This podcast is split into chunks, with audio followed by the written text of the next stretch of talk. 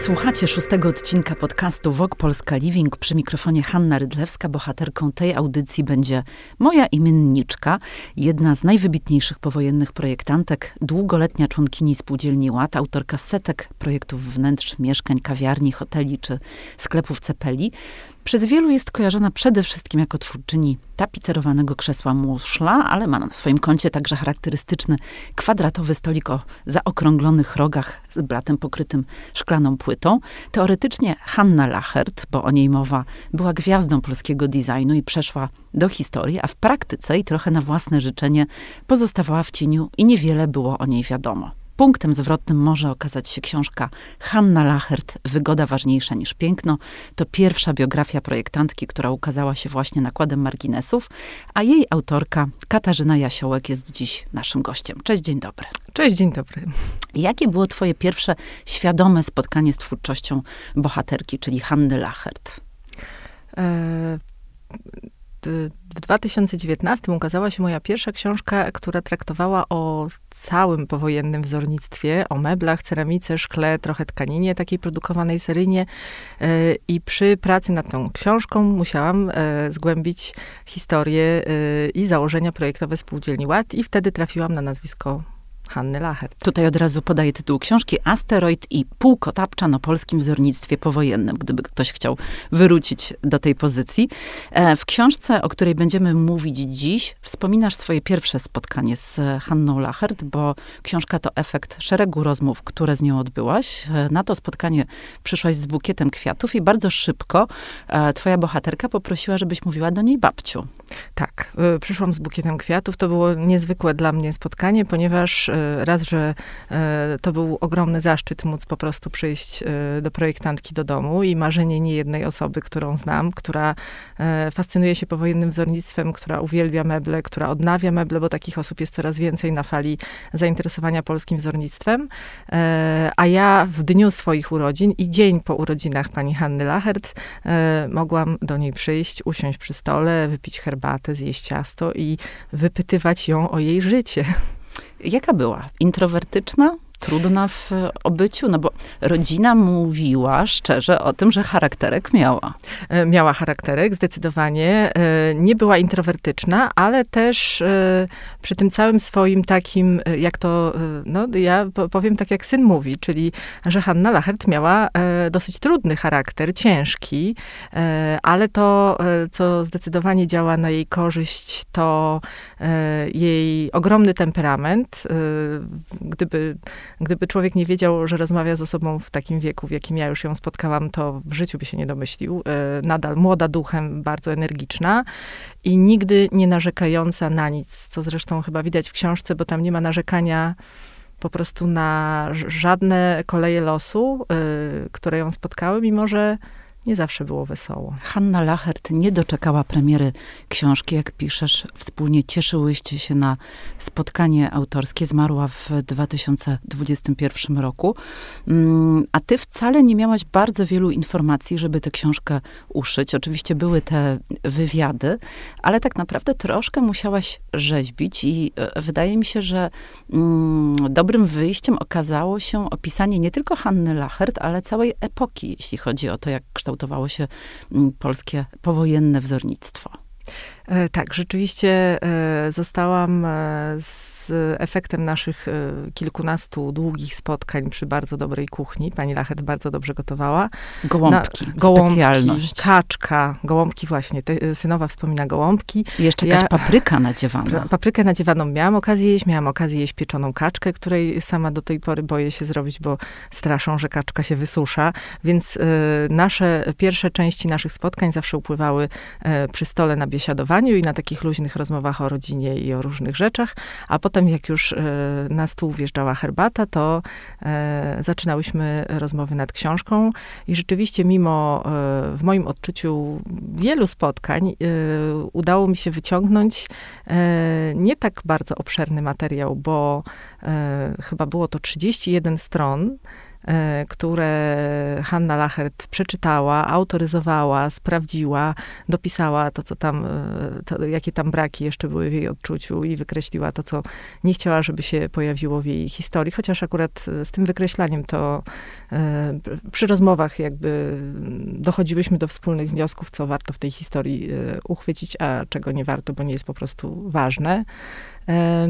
No i 31 stron to jest, jak ci, którzy piszą książki, wiedzą, że z taką ilością stron raczej redakcja ich pogoni. No więc e, zmuszona byłam niejako e, wzbogacić tę historię o obraz epoki, ale wydaje mi się, że e, zda, zdarzyło się to z korzyścią dla całej tej historii, ponieważ dzięki temu historia jest uniwersalna, pokazuje w ogóle losy projektantów e, po wojnie, tego środowiska, jak ono żyło i funkcjonowało. E, stała się opowieścią uniwersalną uniwersalną, a nie opowieścią o jednej osobie. Oczywiście pisząc o Hannie Lachert, cofasz się do m, przeszłości, do jej m, rodziny, do jej pochodzenia. M, sporo miejsca i uwagi poświęcasz jej ojcu, który był architektem. Tak, ojciec był architektem. E, bardzo cieszę się też z tego powodu, że w tej historii udało się ocalić od zapomnienia osoby, które też nigdy by chyba nie wyszły na światło dzienne, gdyby nie ta pozycja. E, I najważniejszą chyba z tych osób jest właśnie e, tata, bardzo ważna postać dla Hanny. Tadeusz Sobocki. Tadeusz Sobocki, architekt. Architekt, który projektował, który brał udział w budowie Gdyni przed wojną, który projektował willę na prywatne zlecenia i który był jednym z współzałożycieli teatrzyku Qui Pro Quo. E, robił scena, scena, e, scenografię do, do wielu, wielu filmów. E, studiował w Paryżu architekturę, bawił się z Picassem. Niezwykle barwna, radosna i bardzo pozytywna postać, po której Hanna Lachert prawdopodobnie odziedziczyła nie tylko pewne cechy charakteru, bardzo fajne, ale też talent. Z kolei z mamą nie miała aż tak ciepłych relacji. Ta Maria z Jaworskich, Sobocka, to był um, trudny człowiek, tak e, chyba wynika z jej wspomnień. Jak wyglądał dom rodzinny Lachertów? E, na dom rodziny Lachertów e, w tej pierwszej części dzieciństwa, które upłynęło Hannie Lachert na Pięknej w Warszawie w kamienicy, składała się ona, tata Tadeusz, mama Maria, mama e, z, z ziemiaństwa, tata zresztą też, tata dużo starszy od mamy. E, no i Bona francuska, która przychodziła e, regularnie, bo takie były zwyczaje, że właściwie dziecko wychowywane było w tamtych czasach mniej może przez mamę, a już na pewno najmniej przez tatę, e, a w dużej mierze spędzało czas ze służącymi. Te służące też były, była pokojówka, była kucharka, e, z którymi Hanna robiła pierwsze próby w gotowaniu, w pieczeniu i Bona, która uczyła ją francuskiego i wszystkich innych przedmiotów na początek, zanim Hanna trafiła do placówki edukacyjnej. A mama uwielbiała w tym czasie chadzać do kawiarni z przyjaciółkami tak. albo do domu braci Jabłkowskich. A mama była chyba klasyczną damą, która e, właśnie spotykała się z przyjaciółkami, chodziła na bale, na przyjęcia. Rodzice mieli y, wielu znajomych z takiego środowiska wojskowego, więc zjawiali się też na balach wojskowych, chodzili do tych wszystkich miejsc, do których wtedy wypadało chodzić, czyli do oazy na przykład znamienitej, więc rodzice imprezowali. I z tej pięknej przenieści się na Saską Kępę. Ty piszesz e, o tym, jak e, Saska Kępa się wykluwała i jak te dzikie pola i, e, i kępy traw zamieniały się w modną dzielnicę. Tak, dzisiaj trudno nam uwierzyć, znaczy może, może nam trudno, jak nie mieszkamy na Saskiej Kępie, bo ten, kto mieszka, może w to uwierzyć, bo podobno woda w piwnicach e, do dziś stoi radośnie wiosną. Natomiast rzeczywiście Saska Kępa była e, wtedy, kiedy rodzice się tam wprowadzili przed wojną, e, to był zielony teren, zadrzewiony, pełen kwiatów, magiczny, jak wspomina Hanna, na którym dopiero zaczynały wyrastać wille i przenieśli się na Saską Kępę, dlatego, że właśnie tata zaczął budować tam e, dwa domy czynszowe e, dla pewnej hrabiny i dla drugiej rodziny. No i żeby mieć bliżej nie dojeżdżać z pięknej, przeprowadzili się tam do wynajmowanej willi. E, no i Hanna trafiła z centrum, ruchliwego centrum miasta, w miejsce zupełnie magiczne, trochę jakby się przeniosła na wieś, bo Saska Kępa była wtedy właściwie wsią z dworkiem na środku, z bocianami, krowami. Tam wciąż e, urzędował gospodarz, od którego można było kupić mleko świeże. Tak, tak, więc zupełnie, zupełnie nagle okazało się, że właściwie taki ziemiański, sielski krajobraz, e, może nie w środku miasta, bo wtedy to nie był środek miasta, ale w każdym razie bardzo blisko e, nadal centrum, gdzie można było wieczorami się bawić. E, ale dziecko miało fantastyczne miejsce do zabawy z innymi dziećmi. I ta Saska Kępa to było jej miejsce w życiu. Oczywiście potem w trakcie wojny mm, nastąpiła przeprowadzka i rodzina Lachertów trafiła na Stare Miasto. Natomiast generalnie Hanna Lachert swoje życie głównie spędziła na Saskiej Kępie. Tak, e, Saska Kępa zawsze już e, była w jej życiu. Ta przeprowadzka sprawiła, że mm, no właściwie tak los trochę zrządził, bo oni się już nigdy nie wyprowadzili do centrum. Przeprowadzili się z tej wynajmowanej willi e, jeszcze na chwilę do domu profesorskiego, w którym mieszkanie miał też e, brat e, Marii e, Sobockiej, który był profesorem Uniwersytetu Warszawskiego.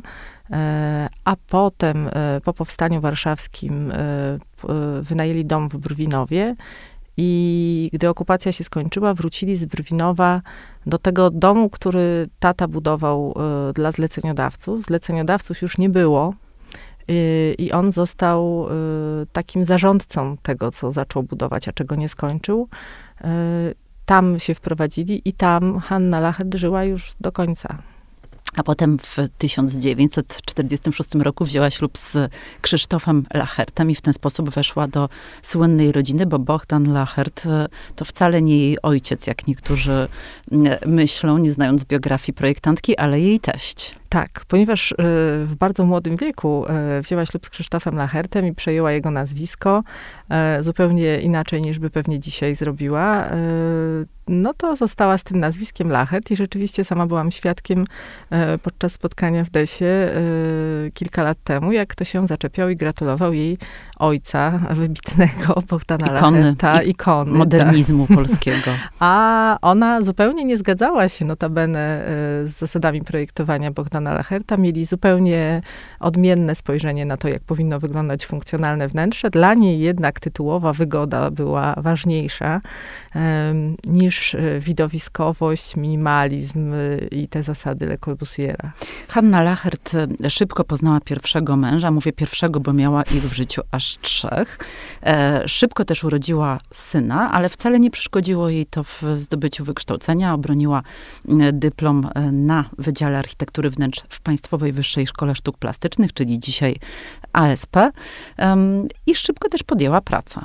Tak, podjęła szybko pracę, ponieważ okazała się zdolną e, studentką, która zrobiła e, niesamowite wrażenie na ówczesnym profesorze Janie Kurzątkowskim, który te swoje najzdolniejsze uczennice e, przeflancowywał do spółdzielni Ład i tam w tej spółdzielni Ład zaczęła projektować, chociaż nie od tego zaczęła się jej kariera, bo ona mówi, że początkiem jej kariery rzeczywistej, która otworzyła jej drogi do wielu różnych miejsc, było zaproszenie do konkursu, które nigdy nie dowiedziała się komu zawdzięcza, ale albo profesor profesorowi Bogusławskiemu, tak typowała, albo właśnie Janowi Kurzątkowskiemu, zawdzięczała zaproszenie do zaprojektowania e, części dla zarządu w budującym się Pałacu Kultury i Nauki. E, Czasu było niewiele, e, dostała jakąś tam zaliczkę na tę pracę, e, zatrudniła sobie kreślarzy, żeby szło szybciej i rzeczywiście dostała nagrodę za zaprojektowanie tych wnętrz, ale budowa Pałacu Kultury pochłonęła takie środki, że w rezultacie tych projektów nie wcielono w życie, bo byłyby zbyt kosztowne, bo to pewnie trzeba by było zrobić na wymiar w spółdzielni Ład, więc tak jak ona wspomina, e, kupiono meble w MHD i ten, to piętro zarządu zostało w ten sposób umeblowane. Ale to faktycznie dosyć zaskakujące, że takiej początkującej projektantce, w dodatku o nie najlepszym pochodzeniu w tak. kontekście PRL-u, zaproponowano urządzanie biur zarządów Pałacu Kultury. Musiała zrobić rzeczywiście piorunujące wrażenie na swoich profesorach, ponieważ ona wspomina, jak weszła do sali, gdzie byli inni zaproszeni do tego projektu, no i siedzieli tam właściwie sami profesorowie, sami architekci z dużym doświadczeniem. Nie było tam takich studentek jak ona. Spółdzielnia Ład to jest e, temat rzeka i rzeczywiście mm, tej spółdzielni poświęcasz mm, sporo w e, książce Miejsca. Piszesz zarówno o tym, jak ta spółdzielnia funkcjonowała przed wojną, jak i o tym, jak się odrodziła po wojnie. Jaka była różnica? Bo można powiedzieć, że były dwa łady. Tak, można powiedzieć, że były dwa łady. Ład był taką specjalną spółdzielnią, która miała być taką wzorcową e, spółdzielnią, dającą jakiś przykład, jak powinno się projektować innym projektantom, miała być takim wzornikiem e, ale przed wojną miała dużo zleceń e, w odbudowywującej się Polsce, miała dużo zleceń e, na urządzanie wnętrz e, użyteczności publicznej, ministerstw. Jej, jej założyciele mieli jakieś tam takie różne kontakty, które sprawiały, że, że byli wynajmowani, ale też właściwie trochę nie było alternatywy. Tworzyli, nie dość, że projektowali i tworzyli sami w swoich, w swoich stolarniach wspaniałe meble i oczywiście do tych, do tych różnych placówek one były robione na zamówienie i były jedyne w swoim rodzaju i tylko do umeblowania jednego wnętrza, a nie kopiowane potem i sprzedawane dalej. A poza tym spółdzielnia Ład przed wojną słynęła też ze wspaniałych tkanin, głównie żakardów i to też były rzeczy, które dawaliśmy w ramach prezentów dyplomatycznych, ale też wieszaliśmy w naszych placówkach i w naszych ambasadach na całym świecie. Natomiast odrodzony ład, powojenny ład, y, oczywiście również dostawał nadal takie zlecenia, bo znowu mieliśmy odbudowę, y, ale y, on koncentrował się w dużo większym zakresie na meblowaniu jednak tych małych mieszkań Kowalskiego. No i w czasach niedoborów nie można już mówić o tak jakościowych materiałach, jak te, z których wykonywano meble przed wojną. To było raczej kombinowanie i szukanie zamienników. Tak, ponieważ odbudowa pochłaniała drewno, to brakowało wiecznie drewna. E, w pierwszych latach powojennych meble ładowskie były z litego drewna. Potem e, te kolejne, jak się popatrzy, jak się pojawiają teraz na rynku w sprzedaży, są zresztą teraz bardzo popularne, mają swoje 5 minut. Kolekcjonerzy są w stanie dużo za nie zapłacić. Ich nie ma tak dużo na rynku, więc e, nie dziwne. I na przykład takie siedziska i regały z tamtego okresu lat 50., 60. E, są rzeczywiście z masywu drzewnego, ale na przykład, żeby było taniej, jest to sosna opalana, żeby nadać jej jakiś taki sznyt bardziej szlachetnego i ciekawego e, tworzywa. Natomiast e, są to rzeczy zawsze e, wzorowo wykonane przez artystów stolarzy jeszcze przed wojną, kształconych przez mistrzów. I to były też meble, które nie były dla każdego. To kupowało, kupowali ludzie, którzy mieli wyrobiony przed wojną gust, ziemiaństwo, zubożała inteligencja. Czyli czytelnicy magazynu Ty i ja. Tak. Mniej więcej to była tak. ta grupa społeczna. Tak. Część czytelników e, przekroju, właśnie czytelnicy magazynu Ty i ja, no ci tacy, którzy wychowali się w przepięknych, zbytkowo urządzonych wnętrzach, zresztą tak jak Hanna Lachert przed wojną, e, i którzy mieli dobre wzorce. Ład... Ale to, to, to dla mnie jest ciekawe, że Hanna Lachert wychowała się w domu, w którym były e, no takie wzorce, powiedziałabym, na bogato, czyli meble w stylu Ludwika XVI wręcz czasem, czy tak. jakieś gdańskie szafy, a, a sama miała styl bardzo taki minimalistyczny. Tak, ona rzeczywiście z taką dosyć dużą łatwością, że tak powiem, odnalazła się w tych nowych powojennych czasach, bo ona też e, nigdy nie uważała się za jakąś panienkę, która nie może teraz się zabrać za pracę, musi mieć służbę. Ona e, widziała w czasie okupacji, jak jej mama e, z damy otoczonej, służbą e, staje się kobietą niezależną, która umie sama ugotować, sama e, uprać i wyprasować swoją garderobę. E, nie ma już służących, ponieważ e, pieniędzy w czasie wojny e, w tej rodzinie było mniej. I ona po wojnie w naturalny sposób wiedziała już, że nie może być damą i nie będzie miała służącej. Miała tylko opiekunkę do, do, do Michała, ale to po wojnie akurat było podobno normalne i bardzo dużo było kobiet, które chciały podjąć tego typu pracę. Powiedzmy, jak powstały te dwie ikony designu, o których mówiłam na początku. Na okładce twojej książki e, widać zarys tego słynnego stolika. Muszli akurat nie ma, no ale to są te dwa meble, z którymi Hanna Lachert na pewno jest najmocniej kojarzona. Tak, zdecydowanie są to takie dwie ikony designu, lubiane przez kolekcjonerów. Y, nie jest ich jeszcze na rynku tak mało, żeby w ogóle nie dało się ich kupić, chociaż nie pojawiają się często. Y, pierwsza była muszla.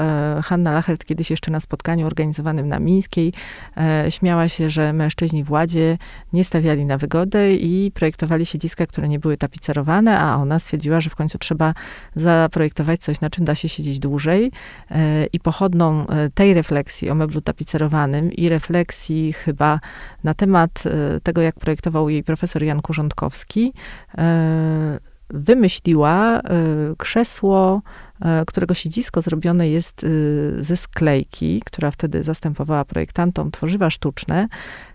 Mianowicie opowiadała, że siedziała kiedyś z kartką papieru, zastanawiając się, jak zaprojektować się takie krzesło, fotel i w pewnym momencie przedarła kartkę i ją e, tak jakby nałożyła te, dwie, te dwa przedarte rogi jeden na drugi i wyszedł, e, wyszedł taki kształt e, trochę muszli z takim dziobem, jak potrafimy sobie wyobrazić, jak przerywamy kartkę i ją tak składamy.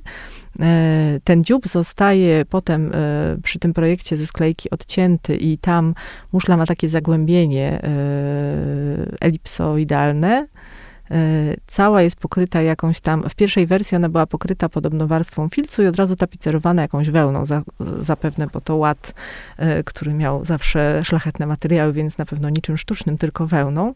No i do tego dorzucony jest e, stelaż z nóg, który zapewnia stabilność temu sklejkowemu siedzisku. No i to jest ta słynna muszla. A z kolei stolik miał, ma, bo jeszcze kilka się uchowało na szczęście do współczesnych czasów, blat z marblitu. Co tak. to było? Oj, Marli to było takie, takie nasze tworzywo sztuczne, ponieważ były, był taki e, czas, kiedy na świecie po wojnie zaczęły się e, popularyzować tworzywa sztuczne, używane do różnych rzeczy, do, e, do tworzenia takich prozaicznych rzeczy, które mamy dzisiaj w kuchni, które nas otaczają i na które nie zwracamy uwagi, e, które były potrzebne też do, do tworzenia opakowań. E, natomiast e, Polska nie potrafiła sobie poradzić z produkcją tworzyw sztucznych. Trochę sprowadzaliśmy komponentów, e, trochę sprowadzaliśmy gotowych rzeczy za dewizy, no ale nigdy nie byliśmy chętni, żeby sprowadzać za dewizy, płacić i na to wyrzucać. I jednym z takich tworzyw sztucznych, który był dosyć popularny i który używany był w architekturze też do obkładania na przykład kolumn takich czasami w, jakichś wnętrzach, był marblit i on podobno nie był trudno dostępny, był i rzeczywiście ten blat w stoliczku, który był stoliczkiem i kawiarnianym, i do wnętrz dla zwykłego śmiertelnika, e, był wykonany z marblitu. Oprócz projektów, które Hanna Lachert robiła dla spółdzielni Ład, robiła też projekty indywidualne, które potem sprzedawała. E, bardzo zaciekawił mnie wątek oryginalnej biżuterii, którą wyrabiała chałupniczo i była to biżuteria, uwaga, z kości. Tak, była to biżuteria z kości. Hanna Lachert w ogóle miała taki zmysł socjologiczny e, i dużo jej projektów e, wynikało z e, przyglądania się ludziom i rozmawiania z nimi i patrzenia, czego im brakuje, słuchania, czego mówią, że im brakuje. Sama wiedziała też, e, co może ona by chciała kupić. Opowiada, że te czasy powojenne były czasami niesamowitego niedoboru, że nie było naprawdę nic. E, i, a ona miała zawsze taki y, zmysł, żeby zrobić y, coś z niczego i potrzebowała też, y, będąc singielką przez większość swojego życia, potrzebowała po prostu pieniędzy. No jak singielką trzech mężów. trzech mężów, rozstania ale... i powroty. Ale pomiędzy tymi mężami były zawsze jakieś takie długie okresy. Z pierwszym mężem rozwiodła się już po niecałym roku. Została z małym dzieckiem, no i musiała zarobić, a zlecenia nie pojawiały się z jakąś dużą regularnością, bo zlecenia wtedy dla architektów wnętrz, e, tak jak, takich jakim ona była, z legitymacjami ZPAP dostawało się w pracowni sztuk plastycznych na przykład. No i na szczęście placówka ta mieściła się wtedy na Saskiej Kępie i Hanna Lachert miała blisko, mogła wpadać i się o te zlecenia upominać, ale one nie zawsze były dla niej. E, spółdzielnia Ład e, za zaprojektowane nawet hitowe meble, które się świetnie sprzedawały, płaciła jednorazową stawkę, bez żadnych tantiemów za późniejszą sprzedaż. Więc Hanna Lachert musiała sobie sobie radzić. A etat miała raz w życiu w Instytucie Wzornictwa Przemysłowego. Etat miała raz w życiu i wspomina to strasznie jako okropną nudę i jako rzecz, myślę, że przy jej temperamencie zupełnie nie dla niej. Po prostu nie ta w ogóle, e, nie ta mechanika pracy. Czyli mówiąc e, e, językiem współczesnym, była freelancerką. Tak, była freelancerką, tylko bycie freelancerką w Polsce Ludowej wiązało się między innymi z tym, że nie można było oficjalnie mieć prywatnych zleceń i prywatnych klientów, o których ona się starała i co już w- swojej biografii mogła się do tego przyznać, ale e, w czasach, kiedy to robiła, nie mogła się przyznać publicznie, że ma prywatnych klientów, którym projektuje wnętrza, willi, mieszkań, sklepów za pieniądze, ponieważ e, wszystkie zlecenia powinny przejść przez instytucje państwowe i nie powinno się robić ich tak na boku. No i dlatego w zaciszu domowym, w wielkim kotle, obgotowywała kości wołowe, z których robiła biżuterię oraz, uwaga, e, korpusy dorsza, które, Tak. e, które dostawała z restauracji. Tak, to była e, z tymi korpusami, korpusami dorsza, to była piękna historia. Ona nazywała je korale z dorsza, co w ogóle już brzmi frapująco. Rzeczywiście zaczynała, zaczynała od kupowania starej biżuterii, jakiejś takiej rozsypanej, z której robiła nowe rzeczy i to oddawała do desy. E, Jako posiadaczka e, tej legitymacji ZPAP miała prawo do tego, żeby wrzucać do desy i do sklepu e, spółdzielni Ład swoje rzeczy, E, więc zaczynała od tej biżuterii. Potem wymyśliła właśnie tą e, kość wołową, którą kroiła, obsadzała w jakichś srebrnych elementach, farbowała ją w tym wielkim kotle i miała nawet na to patent. A potem podczas któregoś rodzinnego obiadu e, spojrzała na e, szkielet dorsza na talerzu. Dorsz był wtedy rybą, teraz jest rybą e, lubianą i drogą, a wtedy był rybą, której było pełno i ludzie jej nie lubili. I jedli ją, bo nie było nic innego. Więc na obiad był dorsz, co wtedy, co wtedy nikogo nie dziwiło. I nie E, cieszyło. I nie cieszyło. Ja bym się dzisiaj ucieszyła, ale ja wtedy, też. ale wtedy z dorsza się nikt nie cieszył. E, I ona spojrzała na ten, e, no jednak ogromny, jak to dorsz ma kręgosłup i stwierdziła, że to by było świetne na biżuterię. No ale mm, rodzina nie jadła takiej ilości, żeby przerabiać to na biżuterię. I ona kiedyś przyszła, poszła do restauracji Paradis, której budynek ostał się w czasie wojny, który jest do dzisiaj, który mieści się na Nowym Świecie i ma nadal neon z napisem dancing. I przed wojną jej rodzice chodzili tam na dancingi, a po wojnie ona chodziła tam e, do, od zaplecza restauracji, żeby e, pozyskiwać odłożone dla niej kręgosłupy ryb. I potem wracała na przykład z tymi kręgosłupami autobusem i ludzie się bardzo dziwnie na nią patrzyli. Zapewne się dziwnie na nią patrzyli. Dostawała je podobno w papierowych workach po cukrze, ale e, nie chciała się przyznać, do czego jej są potrzebne, więc jak wspomina, dostawała e, je razem z głowami i z dużą ilością mięsa przyklejonego do tych kręgosłupów, bo prawdopodobnie obsługa restauracji myślała, że e, pozyskuje je od nich z biedy. Więc potem z mamą w garze do gotowania bielizny gotowały to, żeby to mięso odlazło e, z kręgosłupów. I jak wspomina, kochały je wszystkie okoliczne koty, które żywiły się rybami z paradis. A korale pewnie kochały e- elegantki, a ja oglądając e, e, zdjęcia, których jest w twojej książce sporo, pomyślałam sobie, że z Hanny Lachert była rzeczywiście niezła modnisia i faszynistka, bo bardzo dużo ciekawych zestawień, jeśli chodzi o jej garderobę, tutaj przyuważyłam. Taki cytat z twojej książki. Nie chodzi jedynie o to, żeby ubrać się bardziej stylowo i oryginalnie niż wynikałoby to z możliwości produkcyjnych rodzimego przemysłu i spółdzielczości. Chodzi także o swego rodzaju manifest. Jej stroje to był manifest e, jakiejś niezależności, wolności w tamtym zniewolonym ustroju. Tak, my dzisiaj też e, chyba nie zdajemy sobie sprawy. Może, może e, obiło się komuś o uszy, że rzeczywiście e, wtedy ludzie ubierali się na tak zwanych ciuchach, które były na przykład w Warszawie na, na bazarze Różyckiego. Były też pod Warszawą i we wszystkich innych miastach, ponieważ Polacy dostawali paczki z Ameryki z różnymi ubraniami. E, Te ubrania czasami były zbyt ekstrawaganckie dla kogoś, kto dostał paczkę, albo po prostu nie w tym rozmiarze, albo dziwaczne, albo w ogóle mu niepotrzebne. E, I odbywał się dosyć masowy handel takimi ubraniami. No i w dobrym, z jednej strony w dobrym stylu było chodzić na takie bazary i kupować te fantastyczne rzeczy, lepsze jakościowo, ciekawsze oczywiście od naszych i w ogóle wspaniałe, więc e, dziewczyny, kobiety, mężczyźni zresztą też zainteresowani modą i chcący świetnie wyglądać, musieli mieć coś z ciuchów, w ogóle nie było mowy, żeby nie, bo e, polski przemysł produkował paskudne rzeczy raczej. Wynikało to z tego, że mieliśmy no, dostęp do dosyć nieładnych tkanin, te fajniejsze eksportowaliśmy. A poza tym był to jakiś taki też manifest, ponieważ oczywiście to były ciuchy z Ameryki, czyli tego najgorszego kraju. Burżuazyjne ubrania. Burżuazyjne. Ale jeszcze były dodatki, które wykonywało się samodzielnie. Można sobie było samemu zrobić buty. Tak, e, był wspomniany tutaj już przekrój, e, w którym e, Barbara Hoff radziła w, w, w rubryce modowej, jak zrobić coś z niczego. I A wcześniej Jan Kamyczek, czyli tak, Janina i Pochorska. Tak, dokładnie, więc to taki duet modowy. Zresztą wyszła też taka książka, jak oni mają się ubierać. Wspaniały biały kruk już dzisiaj. I, i jednym chyba z takich najbardziej znanych przepisów na to, jak zrobić coś z niczego, e, jest e, zrobienie balerinek, e, na które było duże zapotrzebowanie, które świetnie pasowały do rozkloszowanych spódnic w stylu lat 50. na halkach i których w ogóle nasz przemysł nie produkował. A one były wykrojone z tenisówek. A one były wykrojone z tenisówek, trzeba było tylko odkroić tę część ze sznurówkami i można je było sobie pofarbować na dowolne kolory. Jeżeli tych tenisówek kupiło się wystarczająco dużo, to można było mieć całą gamę balerinek pasujących do wszystkiego. Mówiłoś na to trumniaki, niezbyt tak. zachęcająco, ale wyglądało ładnie. Wyglądało ładnie. No, Hanna wspomina, że oczywiście również y, chodziła w balerinach farbowanych przez siebie, natomiast y, farbowała je na czarno i one farbowały stopy na czarno.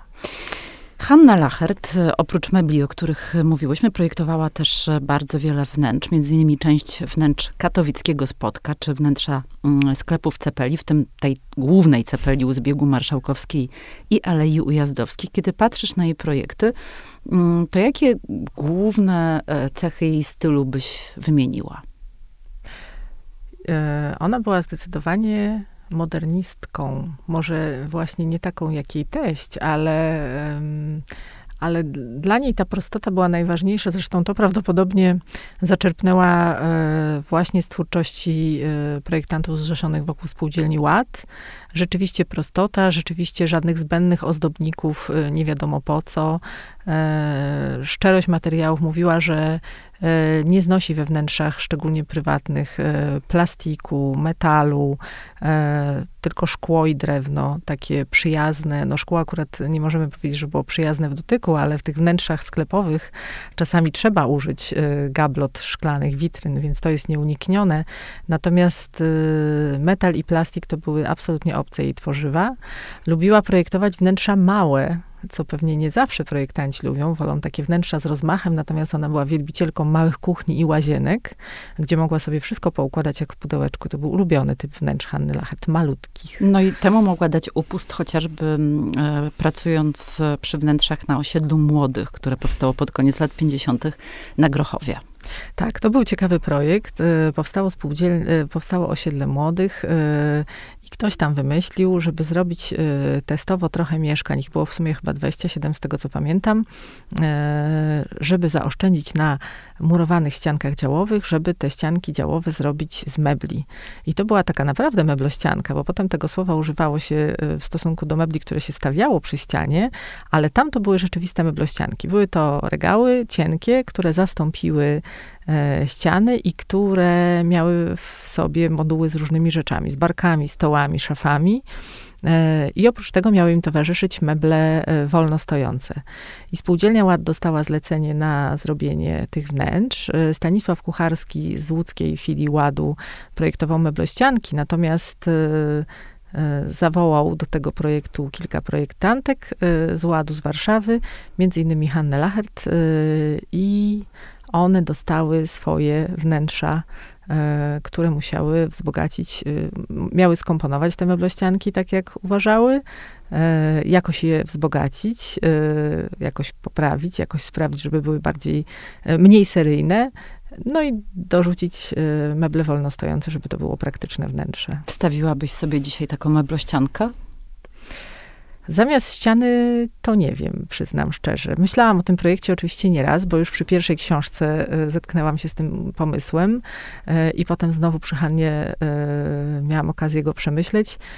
No i przyznam szczerze, że to jednak było wyjście przed szereg chyba, bo tam murowana była oczywiście tylko łazienka, czyli było to z naszej perspektywy wnętrze typu studio, które sprawdza się przy singlu i przy parze, ale na pewno nie przy dzieciach, więc... Chociaż to osiedle młodych miało być dla par, nawet tam jest tak. ulica Romea i Julii, jak tak. piszesz. Więc to były młode małżeństwa. To, było młode mał, to były młode małżeństwa i dopóki były tylko młodymi małżeństwami, to myślę, że to był świetny koncept. E, ta oszczędność jest trochę wątpliwa, bo nie wydaje mi się, żeby y, to drewno na meblościanki było tańsze i żeby było je łatwiej i szybciej zrobić, niż wymurować ściankę działową. No tego już dzisiaj chyba się nie dowiemy.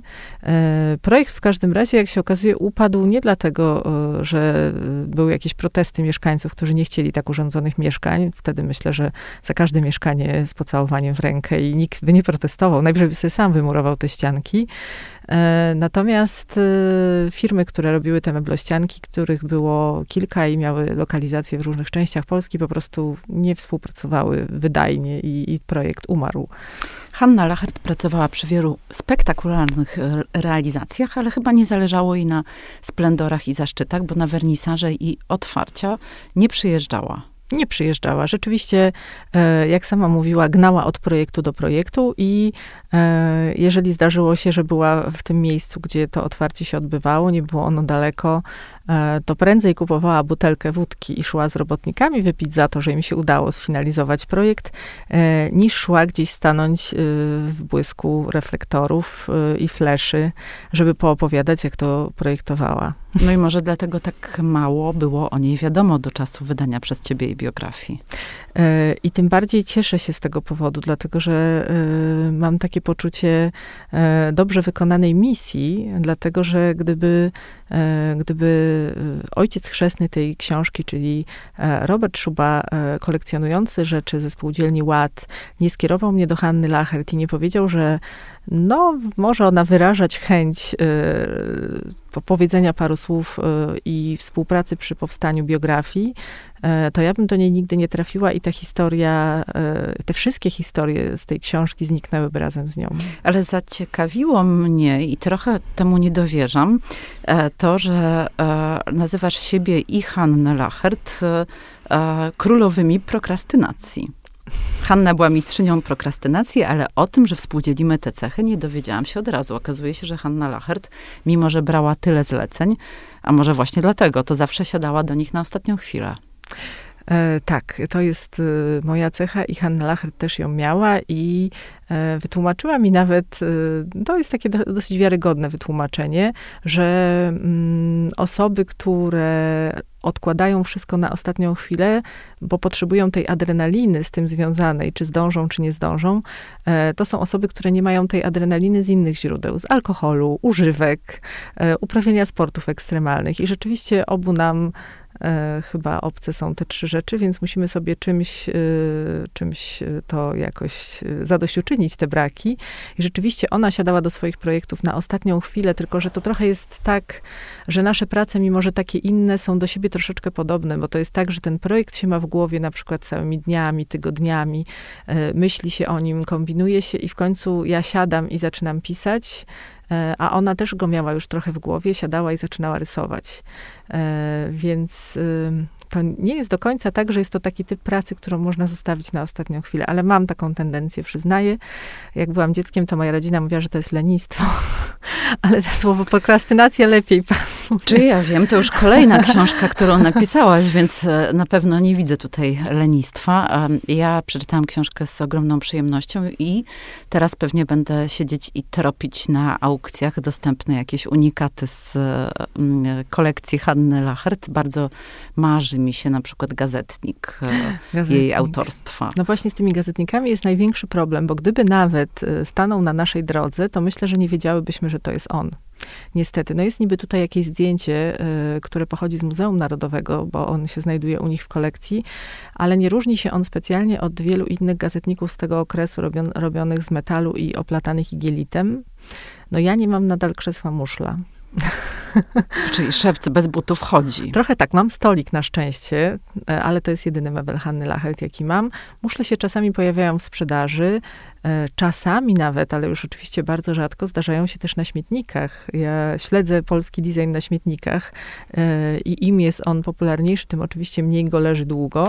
No ci, co wyrzucają, pewnie nie znają wartości e, tych mebli. To tak samo jak wyrzucanie wazonów, które wyszły spod ręki drostów chociażby. Tak, zdecydowanie tak. Mam mm. znajomą, która znalazła w śmietnikach już takie trzy. Znaleźć takiego asteroida. No właśnie asteroidy. Asteroida też nie mam mimo okładki mojej książki. O, znaczy mimo tytułu mojej książki, więc tak, szewc bez butów chodzi. No, jeszcze do listy swoich e, wymarzonych e, mebli dopisałabym e, biurko, dwustronne biurko. Fantastyczne jest, fantastyczne jest biurko. Z tym biurkiem jest tak, że ja jakieś ze dwa lata temu, jeszcze e, latem, jak byliśmy już po tych, jak byliśmy w trakcie tych naszych rozmów, to pojawiło się takie biurko na sprzedaż w stanie do renowacji, ale nie jakieś bardzo zniszczone, no tylko po latach oczywiście gdzieś tam jakieś ślady wody na blacie i tak dalej. I byłam wtedy w Bolesławcu i Hanna Lacher do mnie zadzwoniła i mówi, ty widziałaś? Moje biurko za 5 tysięcy złotych. Ja mówię, no widziałam, no i nic, to w ogóle nie jest dziwnego, że za 5 tysięcy złotych. Mówię, gdybym używała biurka, a nie pisała na kanapie, to sama bym stanęła w szranki, żeby je kupić i odrestaurować. E, no i ona nie mogła uwierzyć, że ktoś byłby w stanie dać za jej biurko 5 tysięcy złotych.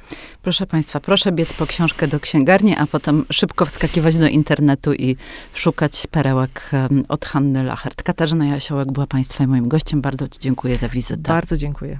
I do usłyszenia w kolejnym odcinku podcastu Wok Polska Living.